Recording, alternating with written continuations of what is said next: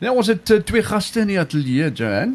Ja, ons het vir uh uh vir, Simone en Maralisa. Ja, en hulle is ehm um, so higher educational consultants. Ja. Ja, so hulle weet presies wat jy moet gaan doen as jy nou klaar matriek Graad 12. Ja. graad 12, jy moet Ja. ja. ten minste nou graad 12 hê, jy weet, Ja. en dan kan hulle jou Mm. van daar af help. Nou ja, kom ons kan ons begin met uh uh Simone.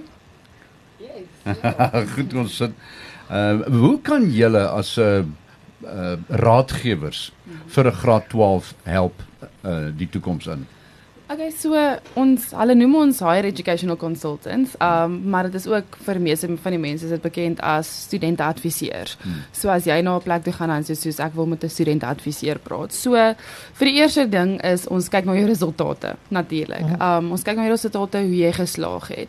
Um daarna gee, kan dit vir ons 'n aanduiding gee soos wat jy voor kan kwalifiseer. Of jy kwalifiseer vir 'n hoër sertifikaat, 'n diploma, 'n graad en so voort. Sodra jy dan weet ons waarvoor jy kwalifiseer, dan kyk ons bietjie dieper na jou belangstellings en um wat is jou visie vir die toekoms en dan lê ons die verskillende opsies op die tafel vir jou neer wat jy dan kan besluit presies wat jy dan wil studeer. Nou sê my 'n bietjie, wat is die minimum vereistes dan nou sodat jy nou sê om om vir 'n graad te studeer? So die eerste stap ehm um, is maar net dat jy moet eerstens matriek slaag. So kom ons begin met daai punt soos wat jy nou nou gesê het. Ehm um, jy weet dis nou die eerste punt waar ons moet kom. Ehm um, en daarna hang dit af waarvoor jy aansoek doen. So as jy daar's verskillende aansoek ag ehm um, opsies wat jy het. Jy kan TVET colleges toe gaan, jy kan privaat universiteite, publieke universiteite. Daar's verskillende opsies van wat jy jy weet kan kan intree in. Ehm um, meeste private instansies het hoër sertifikaat opsies. Ehm um, vir studente wat slegs met 'n diploma of 'n hoër sertifikaat geslaag het. Ehm um, wat dan help as 'n oorbrugging na graad. So dis dan nou jou eerste stap as jy dan nou dalk nie jou ehm um, toelating tot universiteit met 'n bakkaleurs gekry het nie, dan is dit jou eerste stap wat jy kan doen.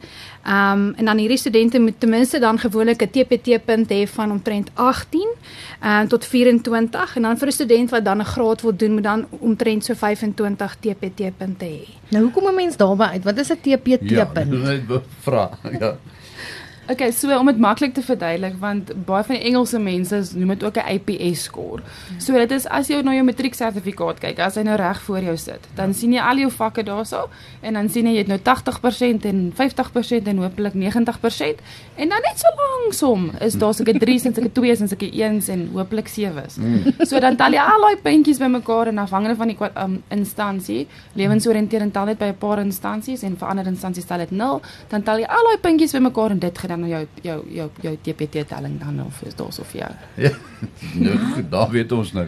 Ja. Nou wat moet jy alles bymekaar hê as jy by 'n tersiêre instituut wil studeer?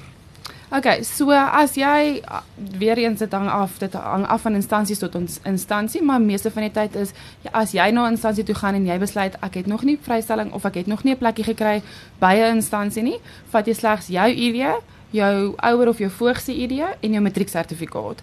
Um van die instansies vereis dat hulle moet gesertifiseer wees en dan van die instansies vereis is dit nie nodig nie. So gaan sertifiseer hom maar dan het jy hom ook vir die toekoms as jy wil aansoek doen by ander plekke. Dis goeie raad. Mm, mm. Ja, so ehm um, en dan as jy nou studente van die buiteland is, kan 'n mens in Suid-Afrika studeer van die buiteland af?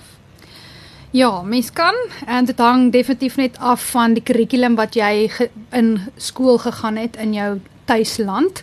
Ehm um, so as jy nou sê nou byvoorbeeld van Mosambiek of Zambië of waar ook al vandaan jy kom, elke plek het sy eie kurrikulum wat hy volg. So hy dan nou IEBs of jy het jou IGCSEs wat jy doen, dit hang nou maar net af.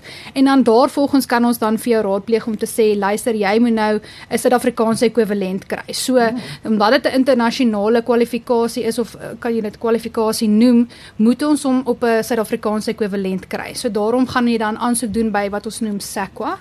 Ehm um, so South Africans Qualifications Framework. Ehm um, jy gaan nou jou aansoek daar indien en hulle gaan dan vir jou sê dis gelykstaande aan watse ehm um, NQF level. Ons uh, levels wat ons van praat hierso in Suid-Afrika.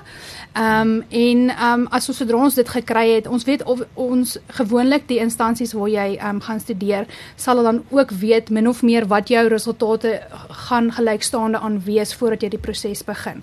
So hulle kan jou dan al klaar raadpleeg um, vir wat om te doen, maar jy het baie verskillende stappies eintlik as jy oh. internasionale student is wat jy moet ehm um, voltooi. So jy moet ehm um, 'n brief hê van die instansie waar jy gaan swat om te sê jy gaan actually by hulle gaan studeer en jy ehm um, jy weet jy kwalifiseer vir wat ook al ehm um, kwalifikasie jy dan nou voor aansoek gedoen het en dan met dit gaan jy nou by jou by jou ambassade in jou tuisland gaan jy dan nou aansoek doen ehm um, hmm. vir jou visa met jou ehm um, jy het 'n uh, mediese fonds nodig, soos dit is Afrikaanse mm. mediese fonds ja. nodig. Ehm um, jy gewoonlik werk dit sodat jy basies vir die hele jaar vooruit betaal. So ehm um, jy kry 'n kwotasie van die maatskappy en hulle gee vir dan basies 'n jaar kwotasie daarvoor. Jy het ook 'n uh, polisieklaring nodig. So om daarvoor aansoek te doen en eintlik maar toe ek om ook te bewys dat jy nie in jou tuisland dalk moeilikhede opgetel het nie. O ja. Ehm um, en dan het jy ook ehm um, 'n bewys van verblyf nodig waar ook al jy gaan bly in Suid-Afrika terwyl jy besig is om te studeer.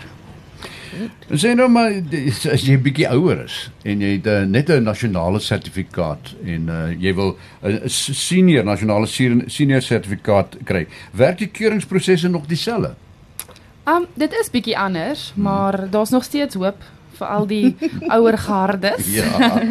Ehm um, so indien jy soos byvoorbeeld 'n kort kursus of 'n hoër sertifikaat wil studeer, al wat jy kan doen is jy kan na die verskillende instansies toe gaan en jy vat jou senior sertifikaat. So dis gewoonlik die studente of die mense wat voor 2009 hmm. matriek geskryf het. Hulle sertifikate lyk 'n bietjie anders as die studente wat na 2010 geskryf het.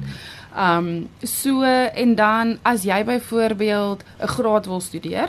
So jy's nou 'n bietjie ouer en jy het nou besluit wat jy in die lewe wil hê en jy wil nou 'n graad studeer. Wyser geraak, ja. Ja, dan is jy bietjie wyser.